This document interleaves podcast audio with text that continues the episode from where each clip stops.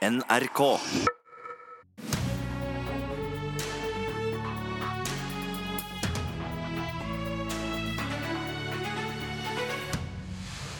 Sylvi Listhaug skulle påvirke Frp på oppdrag fra First House mens hun satt i partiets sentralstyre. Utidig rolleblanding, eller helt greit?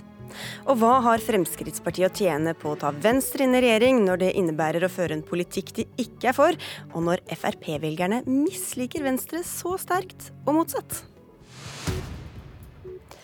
Dette er eh, Politisk kvarter, og jeg heter eh, Sigrid Solund. Og god morgen, eh, Fremskrittspartileder Siv Jensen. God morgen. Du er invitert for å se litt på året som gikk og på året som kommer. Men uh, først så må vi snakke litt om en sak som dukka opp i Dagbladet i går, og som vakte oppsikt. Og det dreier seg altså om din partikollega Sylvi Listhaug.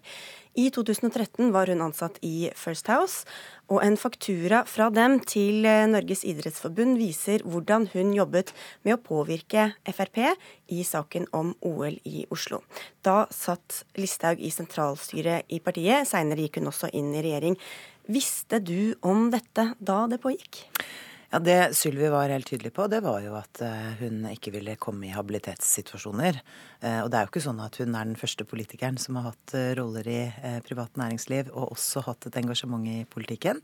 Så det at man er åpen med det i forhold til kundelister osv. Og, så videre, og passer sin habilitet, så mener jeg det er uproblematisk. Men dette er jo først og fremst en sak eh, som eh, gjelder mellom Norges idrettsforbund, som kjøpte tjenestene fra First House, og First House. Og så kan man jo litt spøkefullt si at det er mulig hun ble engasjert for å påvirke Fremskrittspartiet, men eh, vi sa altså et rungende nei mm. til dette OL-et som denne saken gjelder. Men det var liksom det generelle. Men visste du om det da det pågikk? Altså, jeg vet jo ikke, visste jo ikke om hva slags type arbeidsoppgaver hun hadde i First House. Det er jo et forhold mellom henne og arbeidsgiver.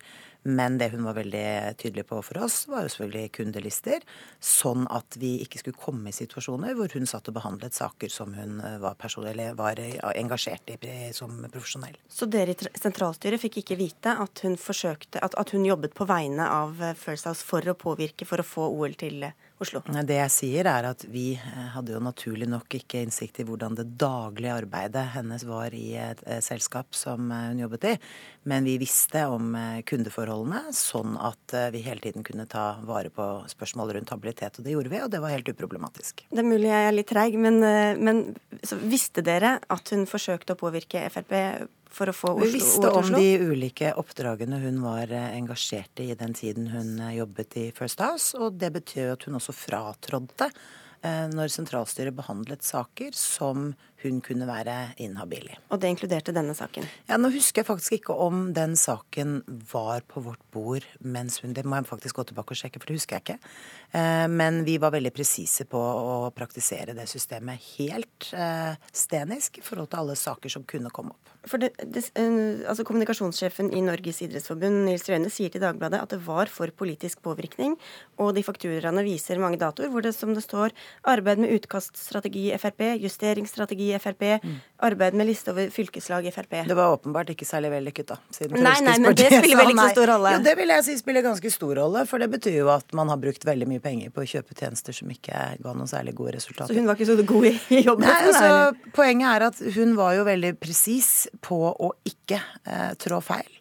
Eh, som representant i vårt sentralstyre så er du tillitsvalgt i Fremskrittspartiet. Du skal være med på å løfte partiets interesser i ulike sammenhenger, og det har Sylvi alltid gjort. Og så har hun vært opptatt av å ikke blande rollene sine, og det mener jeg at vi hadde et helt presist system for å håndtere. Ok, Så du syns at dette er helt greit? Jeg syns dette er helt uproblematisk. Mm. Jeg føler du deg også sikker på at hun ikke har videreformidlet informasjon fra FrPs interne møter, slik det står i deres Ja, det har jeg ingen grunn til å mistenke henne for å gjøre. Har du snakket med henne nå, da, om dette?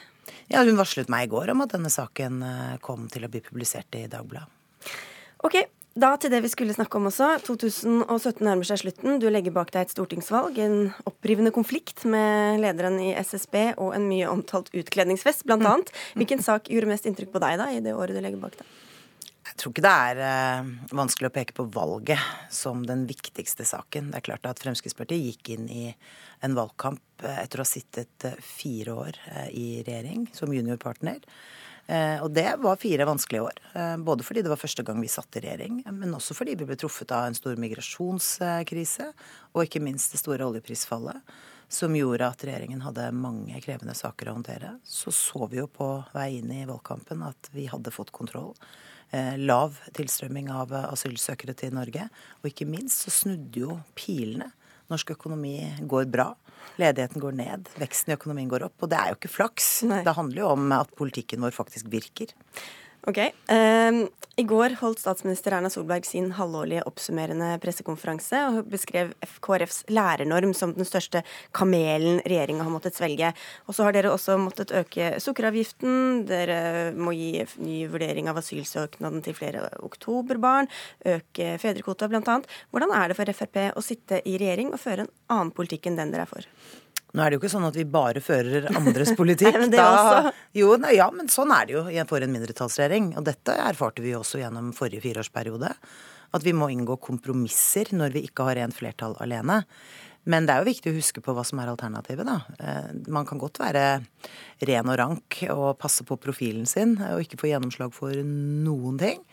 Eller man kan ta ansvar, som Fremskrittspartiet gjør, har gjort nå i over fire år. og Få gjennomslag for masse politikk, men ja, også inngå kompromisser med andre partier, for det må til for å få flertall.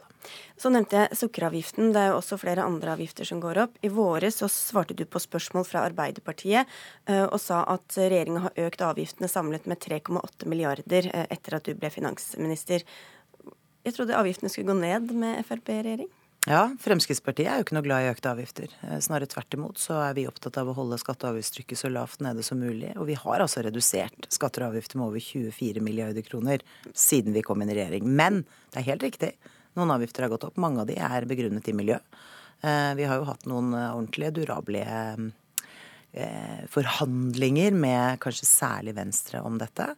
Men jeg mener vi har klart å ivareta Fremskrittspartiets profil likevel, fordi vi f.eks. har gått med på å gjøre å skjerpe noen eh, miljørelaterte avgifter knyttet til bilbruk.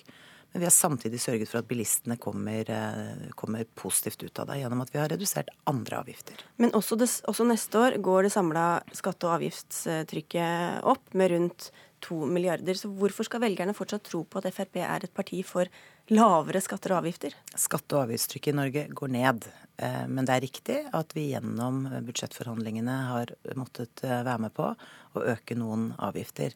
Nå er det jo sånn at Særlig når det gjelder sukkeravgiften og, og, og eh, avgiften på, på sukkerholdige drikkevarer, så var det jo allerede eh, mange partier på Stortinget som mente at det var riktig ut fra en sånn eh, hva skal vi si, kostholdsperspektiv å gjøre det. Nå hadde jo både Arbeiderpartiet og KrF dette i sine alternative budsjetter. De ville riktignok øke det på merverdiavgiften. Men det er dere som skal føre denne politikken? Det er helt riktig. det er helt riktig, Men det er den prisen man av og til må betale. Til gjengjeld så har vi også klart å redusere andre skatter. Vi har rekordsatsing på samferdsel, på utdanning, på helse på eldreomsorg og andre ting som betyr veldig mye for oss. Og mm.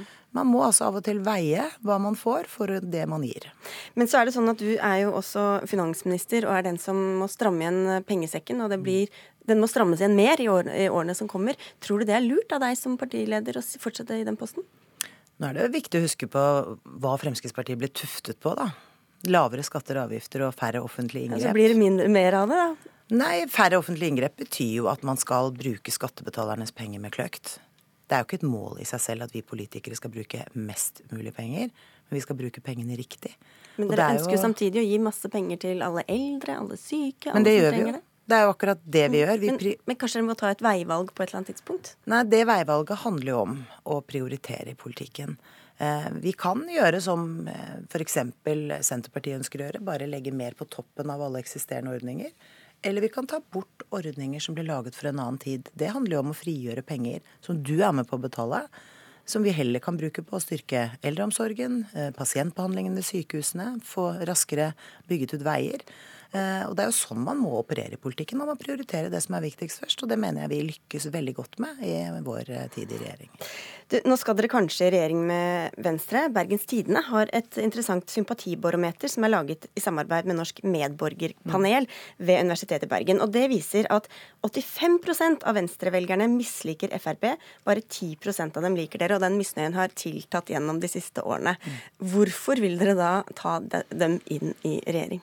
Nå Okay. Ikke Venstre-velgerne, men Ok, Jeg har gått veldig grundig inn i det panelet du refererer til, men jeg tipper nok at en av årsakene til dette har jo handlet om veldig mye av den støyen som har oppstått når partiene har forhandlet. Det var jo f.eks. I fjor eh, høst da vi forhandlet bilavgiftene.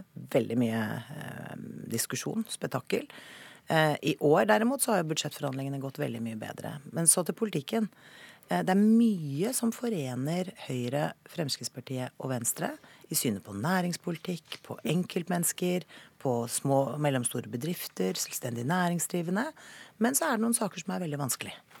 Og derfor så, eh, så Selv om vi nå skal sette oss ned og forhandle på nyåret, eh, som Fremskrittspartiets landsstyre har sagt ja til at vi skal gjøre, så vet vi at dette kommer til å bli vanskelig. For det er noen saker som er krevende. Særlig er spørsmålet om asyl- og innvandringspolitikk et krevende spørsmål. Mm. Eh, men også en del eh, klimaavgifter kommer til å volde oss noen utfordringer her. Og det har jo vært flere saker i Stortinget der Frp har gått ut og protestert mot den politikken som regjeringa ønsker å føre. Hva hvis Venstre gjør det samme, så skal dere først diskutere internt, og så ta en ny runde kanskje på sakene i Stortinget? Nå har nok Fremskrittspartiets stortingsgruppe først og fremst eh, jobbet knallhardt for å få gjennomført mest mulig av de forslagene regjeringen legger frem for Stortinget. Men det har også vært andre saker? Ja, det har vært noen enkelthendelser. Men å prøve å fremstille det som at eh, Fremskrittspartiets stortingsgruppe driver et sololøp, det er rett og slett en gal påstand fra programlederen. Men har ikke sagt det. Vår stortingsgruppes viktigste jobb er å gjennomføre de forslagene regjeringen fremmer, hvor det er mye god Fremskrittspartipolitikk, og som de er stolte av å være med på. Men så er det selvfølgelig sånn at eh, vi er en mindretallsregjering. Vi trenger flertall bak hvert eneste forslag vi legger frem. Derfor må vi både samarbeide godt med Venstre og med Kristelig Folkeparti, og det har vi god erfaring for å få til. Skal vi se om vi klarer å svare litt kjapt på et par spørsmål her. Aftenposten refererte til flere Frp-fylkesledere i går som presiserte at Sylvi Listhaug må bli på sin post. Mm. Per Sandberg sier i dag til Dagsavisen at eh, de, Venstre skal ikke blande seg i det. Kan det overhodet komme på tale å fjerne henne fra den statsrådsposten? Jeg kommer ikke til å forhandle et eneste spørsmål her i Politisk kvarter. Men det jeg kan forsikre hele Fremskrittspartiet om, er at jeg som partileder er svært opptatt av å ivareta Fremskrittspartiets interesser i de kommende forhandlingene. Og så har det vært noen, eh, en annen opprivende sak for deg i dag, nei, i høst, Statistisk sentralbyrå-omleggingene. Hva lærte du av den saken? Det er jeg som har det øverste ansvaret for de etatene som ligger eh, under eh, Finansdepartementet. Og at det er forskjell på å ha det ansvaret og på å sitte på utsiden og mene noe om hvordan det ansvaret skal forvaltes.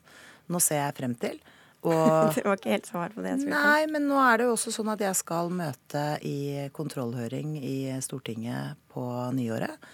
Det ser jeg frem til, for da får jeg også belyst den saken i sin fulle bredde. Eh, også for egen del, og det, det tror jeg blir bra. Ålreit. Helt på tampen her, det har vært en metoo-kampanje som har fylt spaltene og diskusjonstrådene mm. de siste månedene.